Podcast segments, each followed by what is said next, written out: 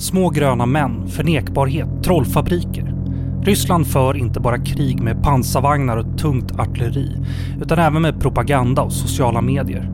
Och trots att privata militära företag är förbjudet i Ryssland så får Wagnergruppen göra Putins ärenden på främmande mark. Så hur för Ryssland krig? Vad är egentligen Wagnergruppen för någonting? Och kommer deras inblandning att påverka hur det går i kriget i Ukraina?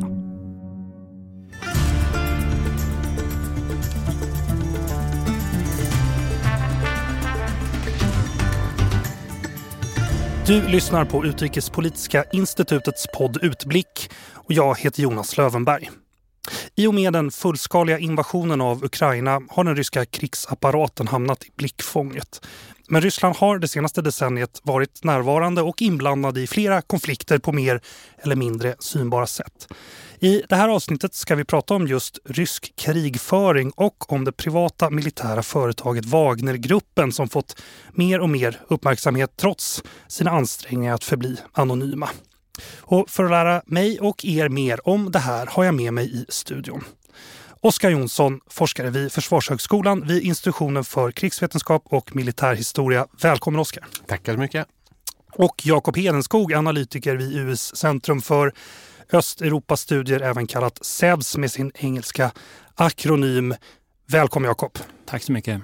Och, eller välkommen tillbaka ska jag säga, för du har ju varit med i flera Utblick Extra när vi har pratat om Ukraina. Så att eh, din röst känns ju igen. Jag har säkert sett de här två herrarna i tv också. Men vi börjar här. Alltså om vi bortser från kriget i, som pågår i Ukraina nu. Vad, vad har Ryssland haft för mål med sin utrikespolitik under de senaste åren eller kanske det senaste decenniet? Oskar? Men jag tycker det är ganska koherent också med kriget i Ukraina att de övergripande drivkrafterna har, eh, har varit tydliga. Eh, man vill ändra världsordningen. Redan i mitten mm. av 2000-talet så la då Medvedev fram ett förslag eh, om att omförhandla säkerhetsordningen. Ehm, man vill splittra väst. Ett enat väst är sett som det största hindret mot ryskt inflytande i världen. Och en viktig del av det är också att man vill egentligen dominera sitt närområde som är en form av prioritet att ha mycket inflytande i. Okej, men vad har då förändrats sedan ja, murens fall har jag skrivit här, men Sovjetunionens fall kanske? Hur har Ryssland betett sig på den internationella arenan? Jakob? Ja, jag skulle anknyta till det som, som Oskar sa, eh, de två långsiktiga målen med rysk utrikespolitik, eh, åtminstone under, under Putins tid vid makten, har ju varit att Ryssland ska vara en stormakt, att återupprätta Ryssland som en stormakt i, i den egenskap som, som Sovjetunionen var och, och att göra Ryssland alltså jämförbart med USA som en av stormakt i världen. Eh, och det andra är att upprätta att Ryssland har rätt till, som Oskar också var inne på, en, en intressesfär i sitt närområde och att de här sakerna hör ihop. Stormakter har intressesfärer och eh, Rysslands intressesfär är det före detta Sovjet eh, imperiet så att säga. Länderna är för detta Sovjetunionen. Och att det, det är en rysk exklusiv intressesfär där andra makter kan finnas närvarande men inte på Rysslands bekostnad och inte utmana Ryssland.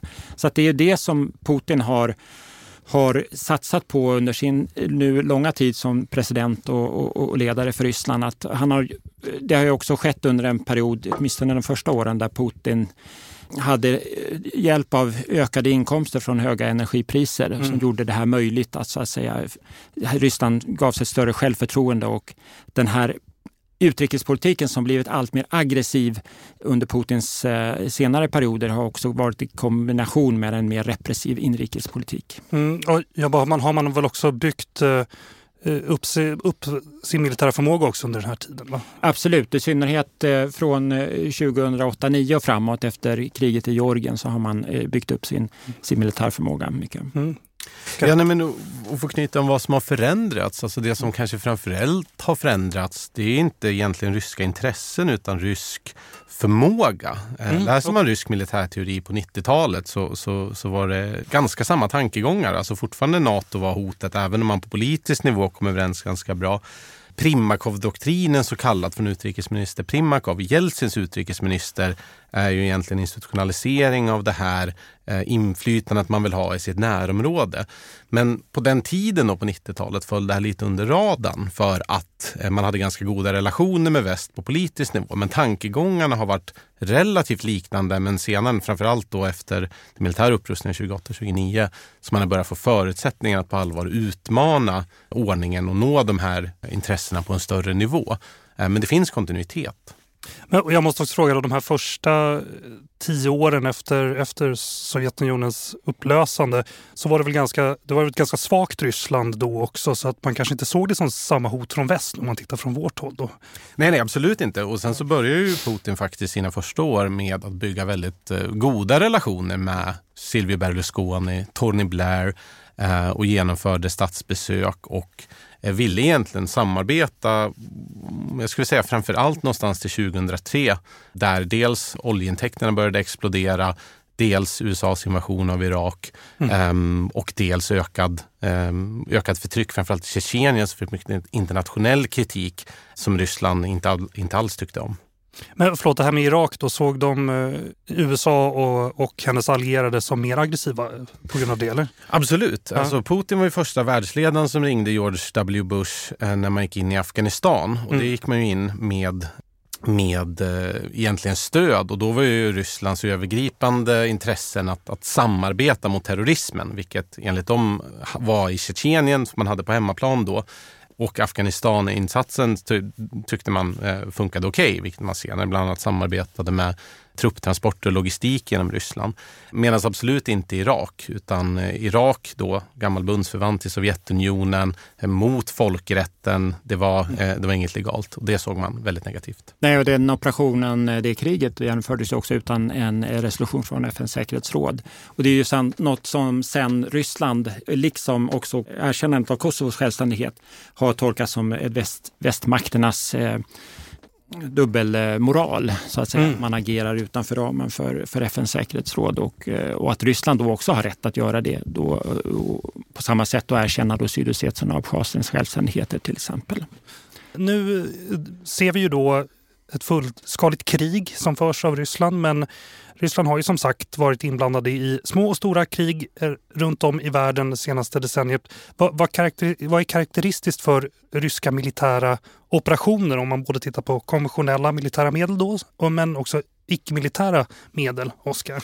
Mm, ja, det, är en, det är en eh, stor men bra fråga. Försöka eh, närma sig den lite, lite koncist ska vi säga. Att, att en sak som, som skiljer de ryska väpnade styrkorna mot de västliga är att de framför allt baserar väpnade styrkornas uppträdande på, på alltså, massive fire strikes, koncentrera eldkraft. Mm. Och det levereras främst av artilleriet. Vi har länge till exempel tittat på ryska stridsvagnar och sådär. Men det som är tyngden i de ryska väpnade styrkorna är artilleriet. Eh, det ser vi med all tydlighet nu som det utkämpas. Men det kunde man också se till exempel i första Tjetjenienkriget och mycket av metodologin där är ju samma som idag. Man raserar hela städer vid marken. En sån sak som har eh, överraskat många västliga bedömare är ju frånvaron egentligen av det ryska flygvapnet. Men där har man också flygvapnet en annan roll än vad vi i väst brukar tänka för flygvapnet. Flygvapnet i väst ser oftast det som, det som man vinner kriget med egentligen och levererar väldigt mycket eldkraft medan det ryska flygvapnet är mer, ska man säga, ett närskydd för för armén och artilleriet. Det ryska flygvapnet tränar väldigt, väldigt lite på det som heter CAD på engelska, så att slå ut motståndarnas luftförsvar, vilket de också var ganska dåliga på i kriget av Ukraina. Utan det är mer jaktflyg för att skydda, för att skydda den egna armén. Så att det är en väldigt, väldigt armétung väpnade styrkor som de har. Och eh, flottan, flygvapnet, är mer supporting cast.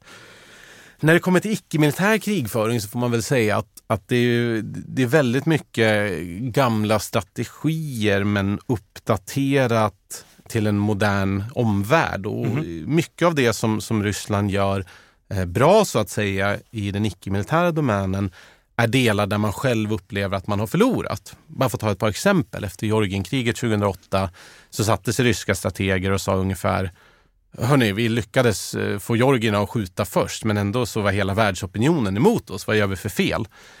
Och då var analysen att jo, men vi, vi eh, liksom global media dominerat av väst, CNN, BBC.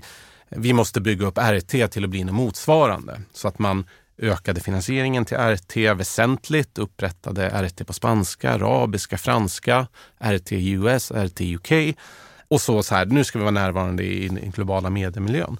Samma sak arabiska våren. Arabiska våren ses egentligen som sociala medieskapade revolter.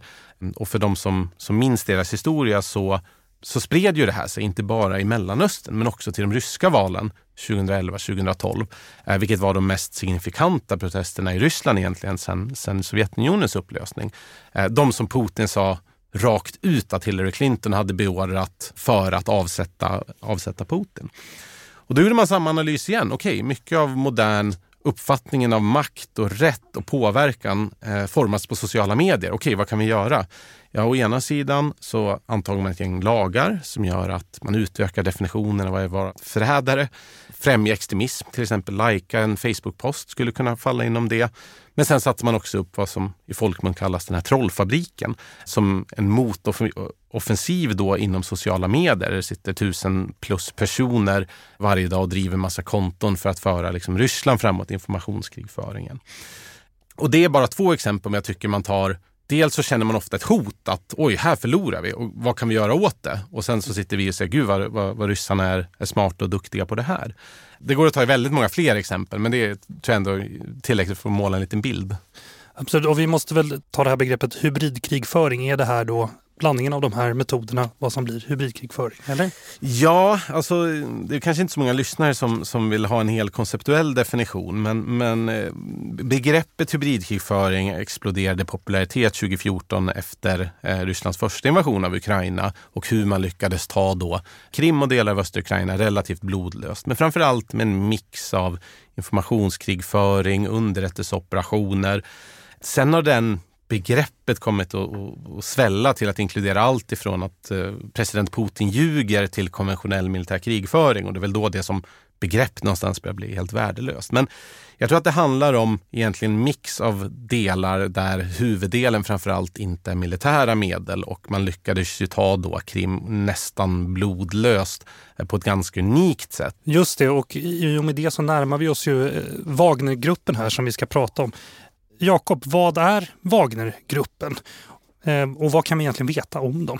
Ja, Wagnergruppen beskrivs som ett, ett ryskt privat militärföretag men egentligen är det väl snarast en paramilitär organisation eller ett, till och med ett specialförband inom den ryska militära underrättelsetjänsten GRU också med, med, med nära band till ryska försvarsministeriet. Eh, eh, eh de, de, opererar i så att säga, konflikter där Ryssland tagit part för en parti för ändra sida men, men, men eh, de opererar så att säga till stöd för ryska utrikespolitiska mål men det sker under en täckmantel eh, och ryska regeringen, regimen vidkänner inte att de existerar för officiellt finns inte gruppen. Man förnekar att den existerar. Privata militära företag är heller inte eh, legalt i Ryssland enligt den ryska konstitutionen och strafflagstiftningen. Så att det, de opererar under så att säga en, en yta av förnekbarhet. Att Ryssland mm. kan så att säga använda sig av dem men förneka att de existerar och förneka att också Ryssland finns på plats i de här konflikterna. Men eh, okej, okay. Men vad skiljer dem då? Du var, du var inne på det, men jag ska ändå fråga. Vad, vad skiljer dem från andra militära företag? Vi vet ju att eh, amerikanerna har ju använt sig av, av militära, alltså privata militära företag i, i flera konflikter som har betett sig olika bra och sådär. Men vad, vad är den stora skillnaden? En, en av skillnaderna är i alla fall att Wagnergruppen inte bara utför operationer och sysslor så att säga, som ligger traditionellt i privata militära företag mm. som är minröjning eller bevakning eller så vidare. Utan de deltar också aktivt i strider i, i olika konflikter, alltså agerar ut också utifrån auktoritära ledare i olika länder som Ryssland stöder så att säga, regimer, mm. förtrycka befolkningen, eh, slå ner protester, också att slå ner eh, uppror i, i olika länder, till exempel i afrikanska stater, i, i, interna konflikter i länder. Skulle man då kunna säga att de har en mer aktiv roll då kanske i, i själva ja, de, krigandet? I, absolut, i de, de fungerar ju som ett specialförband ja. i, i hög utsträckning, alltså som, som strider då liksom Liksom i, för att, så att säga, uppnå ryska utrikespolitiska mål i olika länder. Ja, Oskar, ja. Ja, nej, men det är värt att lägga till att de, de eh, drivs ju av Evgenij Prigozjin som är då samma person som, som driver den så kallade trollfabriken. Och, och, och precis som Jakob säger är det här ju att betrakta som rysk statlig verksamhet som uppfyller liksom ryska statens mål. Även om man försöker ge sken av en förnekbarhet att inte ha direkt kontroll över det. Men det går väl lite sådär. Evgenij Prigozjin är en oligark som råkar vinna väldigt mycket stora statliga upphandlingar. Alltså, ja. eh, känd som Putins kock för att han har matservering till liksom, motsvarande Sodexo i, i Sverige. då. Så det är väl, det är väl också, ja, knyter an till den bilden att det är statligt. Ja, det är också, alltså det är ju ryska staten som transporterar dem till olika konflikter i världen och det är ryska staten som utrustar dem och de har en träningsanläggning också som de delar så att säga, med väpnade styrkorna. Så att, eh, det är helt klart eh, mycket täta förbindelser så mellan statliga strukturer och, och, och Wagner som är skulle jag säga, en integrerad del. Man, man kan säga också något om i, den, i drivkraften för de som söker sig till mm. Wagner. Det, det, finns alla möjliga, med, det är helt klart ett, en övervikt av så att säga, före detta säkerhetspersonal och militärpersonal som söker sig dit och den del är säkert rena eh, äventyrare också. Och man kan inte se att det finns någon ideologisk, att det är ideologiskt drivet bland de som söker sig dit, men, men det finns ändå en, det finns länkar till högerextrema organisationer och till och med nazistiska organisationer i, i Wagner, så att det är en, en, en, en blandning av olika personer som söker sig dit. Då. Vad heter den här personen som startade Wagner, då, för det är väl inte han, den här oligarken, utan det är, jo, han har väl... Ja, också... Han finansierade, Dmitrij Utkin heter och, ja. Precis, och han, och han, som startade Wagner, hans callsign var ju Wagner och hade då en enorm fascination för, för eh, Tredje riket och eh, valde därav det namnet. Sen är det väl lite parodiskt för det var väl inte tydligt att just Wagner, kompositören, var, var en nazist. Han var väl antisemit, ja. ju egentligen innan nazismen. Men, ja. men, men Utkin är ju en grundare och befälhavare ja. liksom för, för Wagner-gruppen. Han är ju veteran från Tjetjenienkrigen och, och hans... tidigare GRU-officer. Mm. Så att han kommer ju ur, ur den, den organisationen så att säga. Och som Oskar sa så var ju Wagner hans eh, nom de alltså, som han använder sig av, eh, krigsnamn. Just det. Hur stor är den här organisationen? Eh, hur många soldater arbetar, eller legosoldater kanske vi kan kalla dem, för, för Wagner?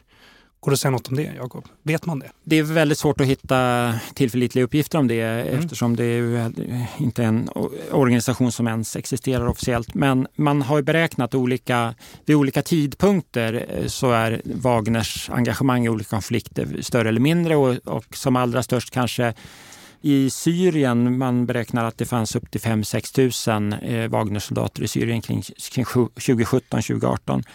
Sen det skiftar också andra konflikter ehm, i några afrikanska länder. Ehm, till exempel Libyens uppgavs att eh, 800 till 1200 Wagnersoldater var aktiva 2019-2020. Några hundra i Centralafrikanska republiken eh, och så vidare i Mosambik. Eh, I Ukraina vid olika perioder också, för allt från hundratal till, till några tusen. Och då både från när de annekterade Krim och även nu då eller? Ja, precis som vi sa tidigare här, både dels vid annekteringen av Krim, mm. kriget startade i östra Ukraina. De var med eh, till exempel i, i samband med den här eh, nedskjutningen av MH17, malaysiska planet i juli 2014. Mm. De var med i östra Ukraina från maj 2014 ungefär. De var med i Ilovaisk, Debaltseve, de större slagen som innebar stora ukrainska förluster. Ehm, de har varit aktiva i Ukraina-kriget nu också 2022. De var till exempel, ehm, förmodar man i alla fall att de var, fanns i Kiev i februari-mars 2022 för att undanröja Zelensky och delar av den ukrainska regeringen. Det misslyckades ju, men att de fanns med i alla fall på planeringsstadium för att rekognosera och så vidare. Så här, vad kan den här, vi har ju varit inne på det, men, men om jag ställer frågan lite mer rakt då, alltså vad kan den här enheten göra som vanliga ryska förband inte kan då? Ja, men det, det är ju någon form av förnekbarhet med, med liksom privata militära och säkerhetsföretag. Och det här mm. kommer ju, alltså till stor del så har ju fenomenet populariserats efter USAs invasion av Irak. Och där hamnar man i någon form av legalt vakuum när man å ena sidan ansåg att då Iraks rättsstat hade fallit ihop så att USA hade inga förpliktelser mot, mot Iraks rättsväsende medan de interna rättsväsendena i USA har ingen möjlighet att undersöka någonting som skedde i Irak. Så då, 2003, så, så uppstod ju privata militära säkerhetsföretag nästan lite som ett legalt vakuum. Mm. Eh, Medan den, den uniformerade amerikanska styrkan hade man ändå liksom militära åklagare, militärpolis som, som hade koll på. Och det är väl det någonstans man försöker eh, liksom, eh, efterskapa lite här med Wagner. Och sen så det, det som den framförallt kan göra är ju att det, det syns inte i statistiken på liksom död uniformerad rysk personal om de dör. Och sen ska jag lägga en till en sak om rekrytering. Min bild av Wagner är att det är ju väldigt liknande de amerikanska privata militära och säkerhetsföretagen. Att du tar då liksom veteraner från GRU, från specialförbanden eller från eh, fallskärmsjägarna och så erbjuder de en, en dubbellön och så får de ofta göra lite mera high risk operationer mm. eh, eller bara operationer på ställen där man inte vill ha uniformerade ryska väpnade styrkor. Så att många av dem, det är inte bara att de har en styrning uppifrån utan många av dem är ju, har ju liksom säkert haft 10-15 år bakom sig i de väpnade styrkorna. Det, ja, medelåldern för Wagnersoldaterna är ju 40 år eller drygt 40 år. Så ja. det är inte de yngsta, det är som Oskar säger, att det är veteraner som, som åker dit. Och eh, vad det med förnekbarhet också, att inte bara det att man inte man engagerar dem i konflikter där Ryssland inte öppet vill visa att man är aktiv utan också dölja förluster. Alltså att det blir inte lika stor sak om eh, Wagner-soldater dödas i strid eftersom de ju egentligen inte existerar. Nej, okay. men så det, det finns både en funktion hemma mm. och eh, ut mot eh, omvärlden då? Alltså. Okej, okay, men eh, vad, vad, erbjuder de för tjänster då kanske jag ska fråga också. En sak är ju att de, kan, att de har soldater som kan slåss, men har de alla de här olika förmågorna då som Oskar som du pratade om tidigare? Ja, nej, men det tycker, jag tycker det där är ju lite paradoxet kring, kring Wagner och kopplat till kriget i, i Ukraina just nu. För alltså specialförbands nytta är ju ofta, eh, liksom, det minskar ju högre du går på konfliktskalan. Så mm. nu har du ett storskaligt konventionellt krig som pågår i östra Ukraina. Då behöver du egentligen mekaniserade förband med, med tungt artilleri och, och flygstöd och luftvärn och så vidare. Medans min bild att Wagner är mycket mer special, alltså de har visst lite tyngre materiel men inget liksom jämförbart med de väpnade styrkorna. Så det är lite mer specialförbandsoperationer, vilket är då mycket mer som läget 2014 när du inte hade liksom högintensitets konventionell krigföring mot varandra så har de mer nytta än idag. Då egentligen du har två eh, väpnade styrkor som står och skjuter på varandra framförallt på lite avstånd med artilleri. Ja, just det. Uh, förlåt, ville du säga någonting om det? Nej, kanske inte. Eh, jag vet inte. Det, visst, Nej, alltså, jag undrar om förmågorna. För jag, förmågorna men men ja. det är väl också så att de, använder, alltså de eh, opererar ibland med flygunderstöd mm. från eh, ryska fly, mm. flygförband. Mm. Så att eh, de är som ett lätt, ja, vad är det? Jägarförband. Lätt jägarförband, men, men kan operera med, med, stöd av flyg och tyngre förband. Om vi pratar om förnekbarheten här och så. 2014 när de dök upp på Krim så var det ju, de kallades då för de smågröna män. Intressant. Då hade de eh, uniform eh, utan nationsflagg eller förbandsemblem och sådär. Alltså, vad hade det för effekt på den, den eh, konflikten då, eller den annekteringen? Liksom? Ja, det, det, finns en del att säga om den här så kallade förnekbarheten ja. eh, och kring de smågröna männen på Krim. Och eh, jag skulle säga att ju, den här förnekbarheten, har, dess enda syfte har egentligen kopplat till, till bristen på beslutsamhet i väst. Det var inte så mm. att, att väst inte visste vad som försiggick för att liksom rysk, rysk trupp fanns där fast de hade tagit bort flaggan. Utan, eh, häng med nu, mm. eh, den ryska sidan sa då egentligen, vi vet att ni i väst inte kommer vilja göra någonting åt det här. Vi kommer ge er en möjlighet att agera som att ni inte vet vad det är som försiggår. Snarare än att väst inte har någon aning vad som försiggick. Utan då, första dagarna var det så här, ja det är lite otydligt, ouniformerade män och så vidare. Och sen var hela Krim taget. Då var det så här, ja okej, ja, men det var nog ändå ryska specialförband det här. Så att jag tror att den, den förnekbarheten var mer ett, ett, liksom en politisk användning snarare än att det var jättesvårt att lista ut att det, mm. det kom specialförband från den ryska flottbasen på, i Sevastopol. Just det, men, och det gick ju väldigt fort och det gick ju väldigt, det var ju väldigt framgångsrikt det där då. Mm. Säga. Ja, jag säger att Wagner var väl bara en liten del av de styrkorna som Ryssland ja, satte in. Dels var det ju specialförband, det är ju de väpnade styrkorna som drogs in från, från Ryssland och sen fanns det ju då som Oskar sa också alltså militära förband inom den ryska marinbasen på, i Sevastopol. Och sen var det ju såna här självförsvarsstyrkor som hade satts upp så att säga på, på, på Krim då för stöd för Ryssland. Så att där Wagners, Wagnergruppens eh, inblandning i annekteringen av Krim var inte så jättestor utan det var ju framförallt då sen i i, vid kriget i, i, kriget i östra Ukraina som det blev mm. ett begrepp med Wagnergruppen. Ja, okay. Hur framgångsrika eller effektiva är de då? För jag, menar, jag tycker att när jag lyssnar på nyhetssändningar så är det så kan man få man lite olika besked. Ibland att de är slarviga och dåliga, eh, dåligt organiserade när de dyker upp på Wagnergruppen och ibland så är de väldigt framgångsrika. Går det att säga något om det, Jakob? Eh, ja, det beror lite på operation. Eh, det, de är väl till viss del är de är framgångsrika att man fortsätter sig att använda sig av dem mm. i den utsträckningen i så många olika typer av konflikter och konflikthärdar i olika delar av världen. tyder väl på att man, man finner att det här är ett, ett framgångsrikt koncept. Eh, man kan ju gå till ursprunget. Eh, det var ju så att eh, innan Wagnergruppen egentligen fanns så fanns en annan privat militär företag som hette Slavonic Corp som var, skickades ner till Syrien innan den ryska operationen i Syrien inleddes. Det här var väl 2013 eller något sånt.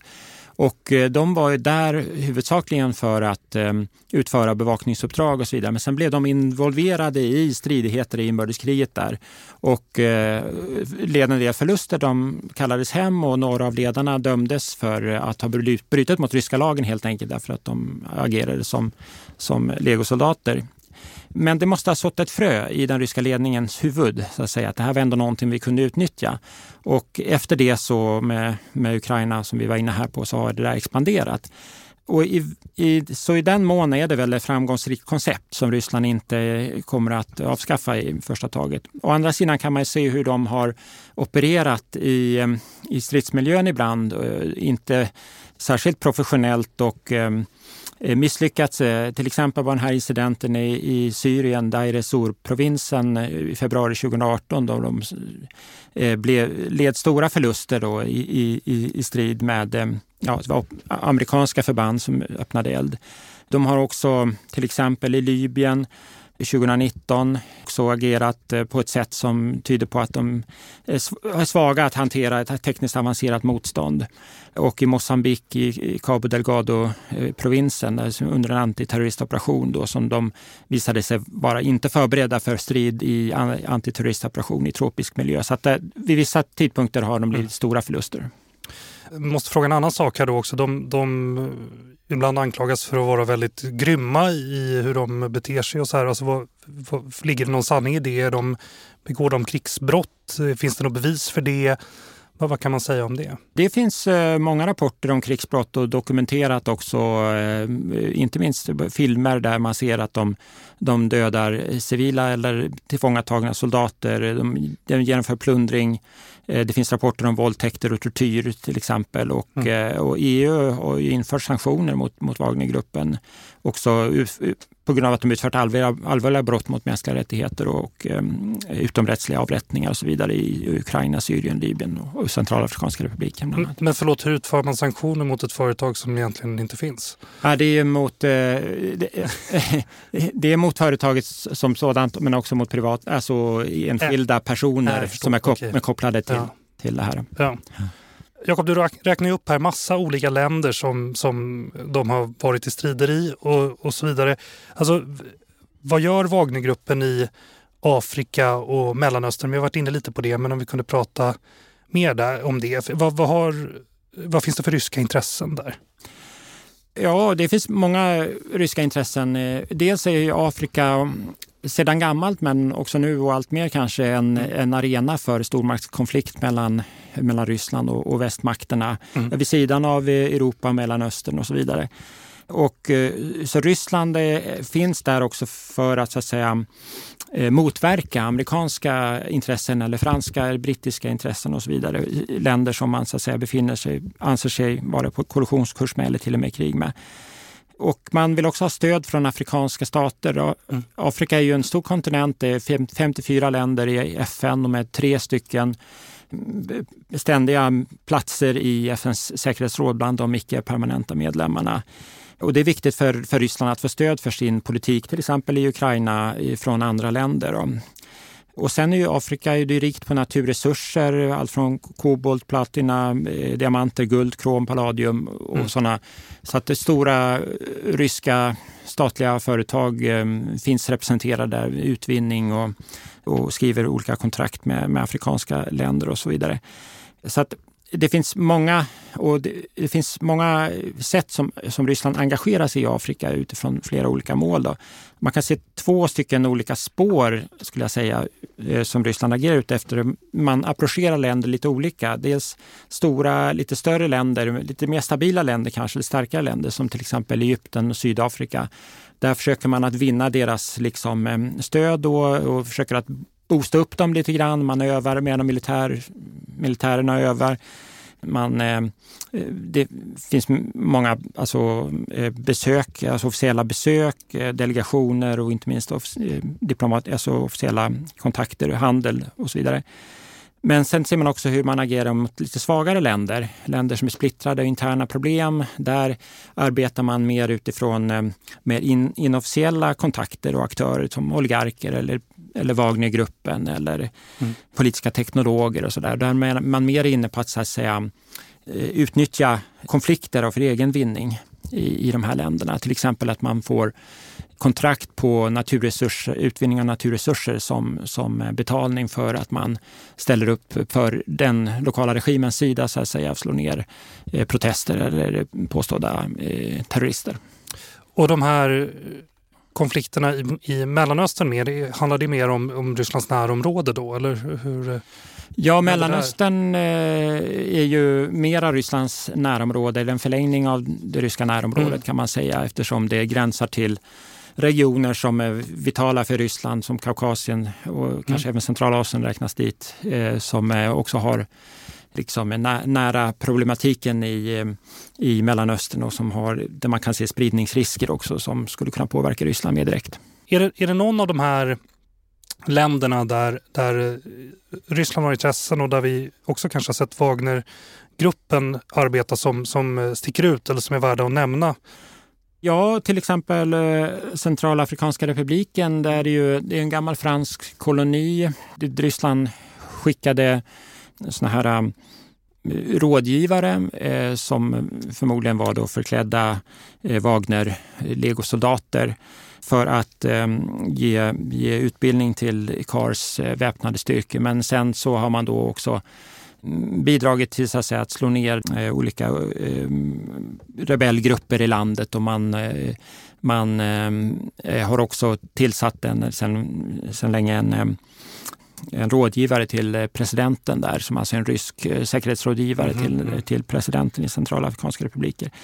Och där har man också gjort sig skyldiga till krigsbrott och brott mot mänskliga rättigheter. Det finns dokumenterat att Wagnergrupperna har varit involverade i detta det är väl i Mali man har fått ett ganska bra mottagande också då man, eftersom man har kastat ut, man tänker att ryssarna har kommit här och tagit över till fransmännen, är det så? Ja, det är egentligen samma sak som i Kar då. Mm. mm. Att eh, den eh, regimen i Mali då, det var ju efter en, en militärkupp där som, som regimen bjöd in eh, Wagnergruppen då och eh, fransmännen eh, har ju bedrivit en, en antiterroristoperation där, Task Force Takuba, där också andra EU-länder och Sverige också varit närvarande. Då.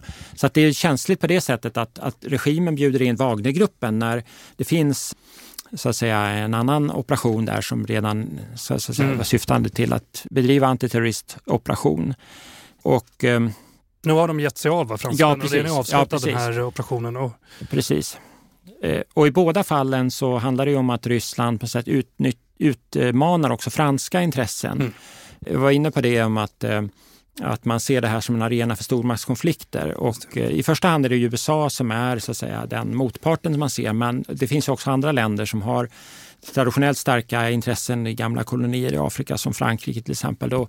Och eh, där, där Ryssland i, kanske i högre utsträckning har inriktat sig mot just franska intressen. Man ser inte Frankrike som en, en, en, en riktig stormakt som kan utmana liksom ryska, ryska intressen på, på global nivå. Man inriktar sig mer mot, mot att undergräva dem.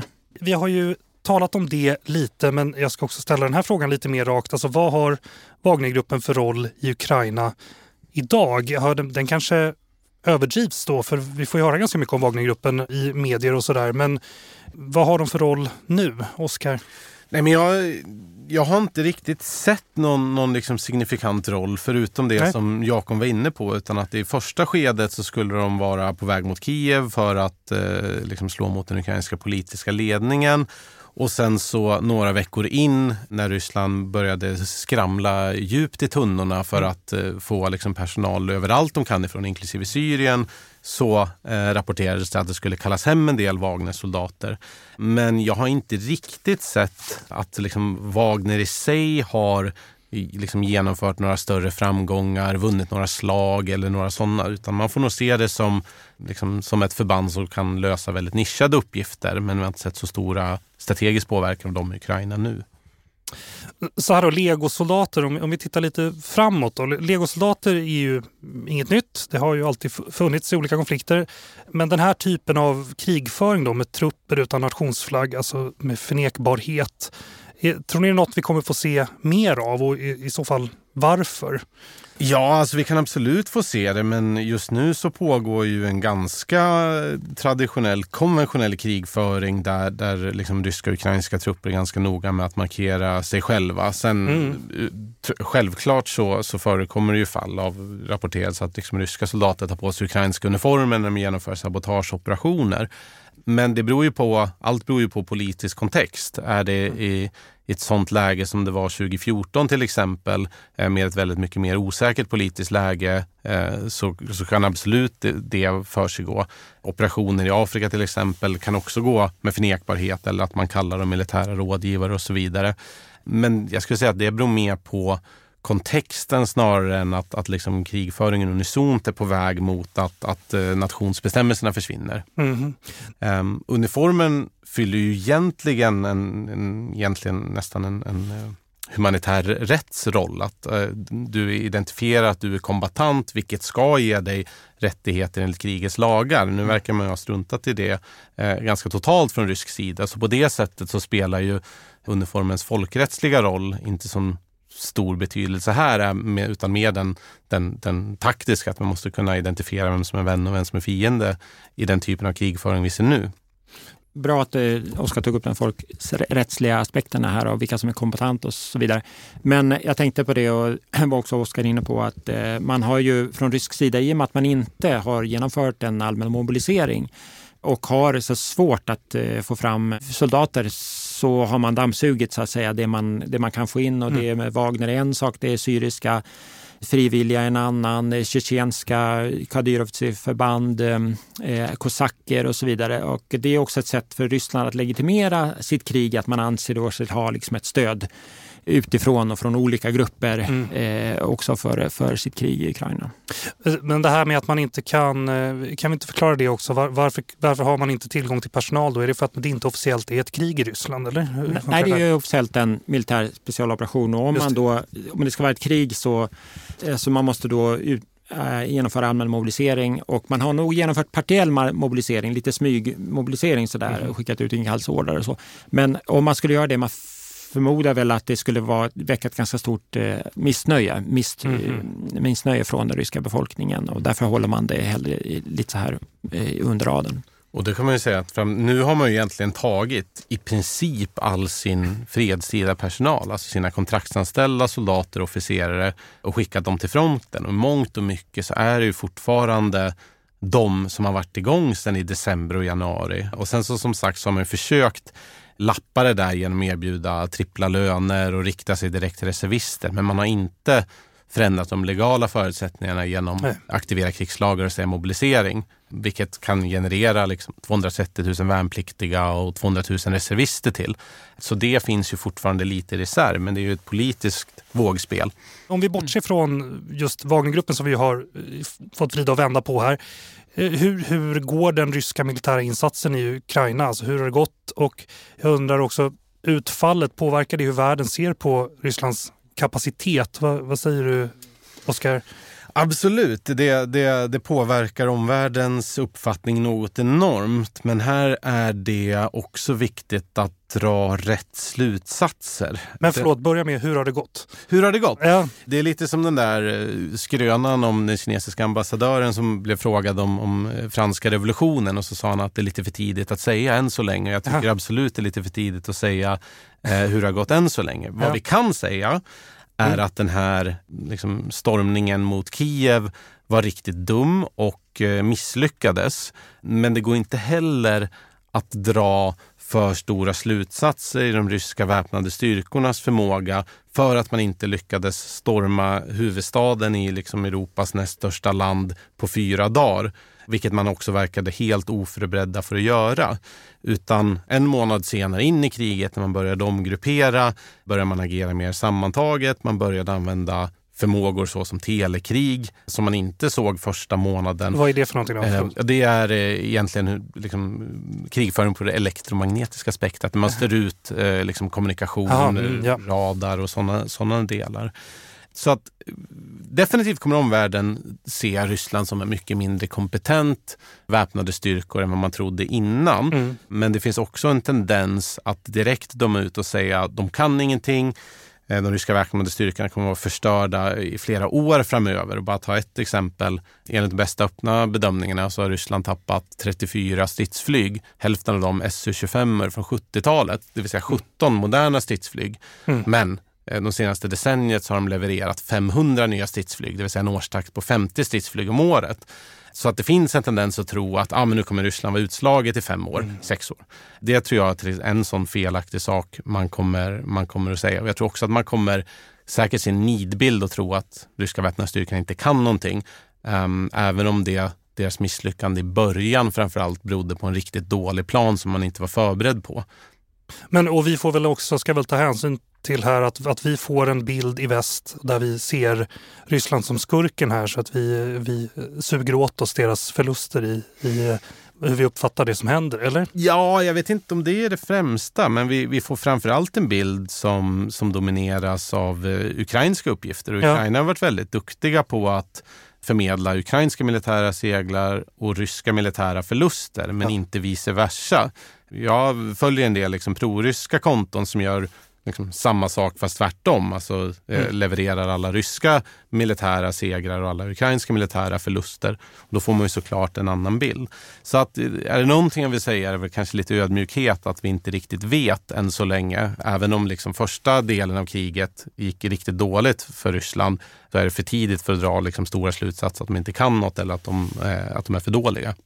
Är det något du vill säga om det, Jakob? Ja, det är ju bara att hålla med eh, Oskar om eh, att det gick dåligt i början och sen har man ju eh, ändrat de krigsmålen och begränsat sin, sin operation då till huvudsakligen till Donbass. Men vi får inte glömma heller att Ryssland faktiskt har och eh, ockuperar 20 procent av Ukrainas territorium om man då räknar med det som man redan hade innan 24 februari, alltså ja. Krim eh, och delar av Donbass.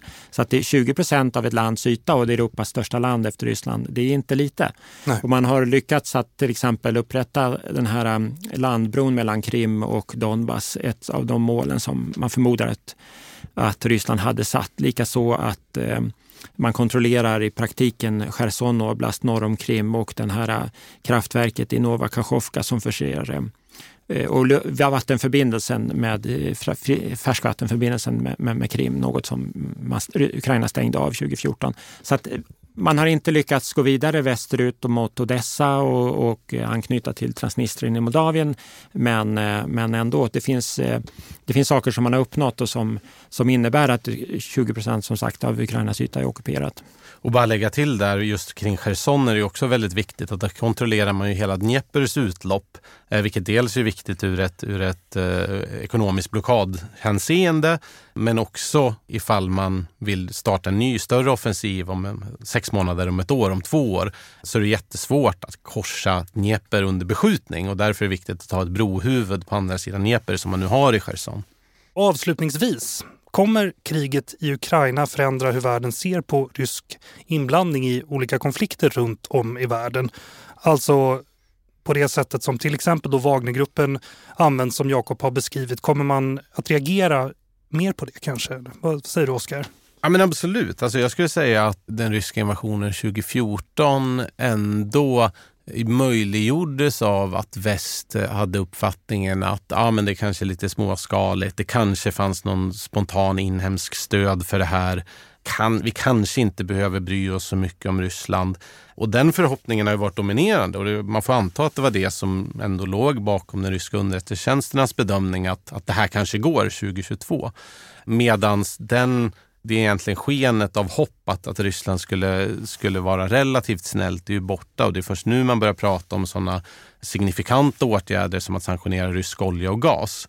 Så att jag tror att absolut kriget i Ukraina har förändrat eh, liksom de, de, de få förhoppningar som fanns kvar att, att Ryssland kanske eh, utvecklas relativt stabilt eller relativt snällt mot omvärlden. De, de är borta. Vad säger du Jakob? Ja, Ryssland har ju kastat handskarna. Nu handlar det ju om ett, en, en, en invasion. Oavsett vad de kallar det så handlar det här om en invasion av ett, ett stort eh, europeiskt land. Och eh, de har ju också, nu framträder ju också Rysslands motiv på ett klarare sätt. Putin sa ju för några dagar sedan eh, att det handlar om att återta territorier. Han jämförde sig med Peter den store och, eh, som återtog liksom ryska territorier. Så det här handlar om att ta territorier, det handlar om att återupprätta imperiet. Det handlar om att, vilket Putin också har sagt, både sagt och skrivit om att han inte ser att Ukraina bör existera som stat och mm. nation. Han, han anser inte att Ukraina har något existensberättigande. Och så att det är ett naket agerande så att säga, från Rysslands sida till skillnad från 2014 då man kunde diskutera vilka var de här separatisterna eller de här små gröna männen. Men nu handlar det om det är ryska soldater det handlar om. Oskar Jonsson, forskare vid Försvarshögskolan. Jakob Hedenskog, analytiker vid Centrum för Östeuropastudier. Tack för att ni kom. Tackar. Tack så jättemycket. Nu har du lyssnat på Utrikespolitiska institutets podd Utblick. Glöm inte att klicka på prenumerera-knappen i appen där du lyssnar på oss. Och om allt går som planerat så kommer det komma avsnitt hela sommaren, så håll utkik. Om du är intresserad av UIs forskning och omvärldsbevakning, titta in på ui.se där kan ni klicka er fram till SEVs egen sajt, men vill, du, vill ni direkt dit så stavas det sceeus.se. Vår vignett är komponerad av Friden Frid. I kontrollrummet idag så sitter Raul Berggren Ek. Jag heter Jonas Lövenberg. På återhörande.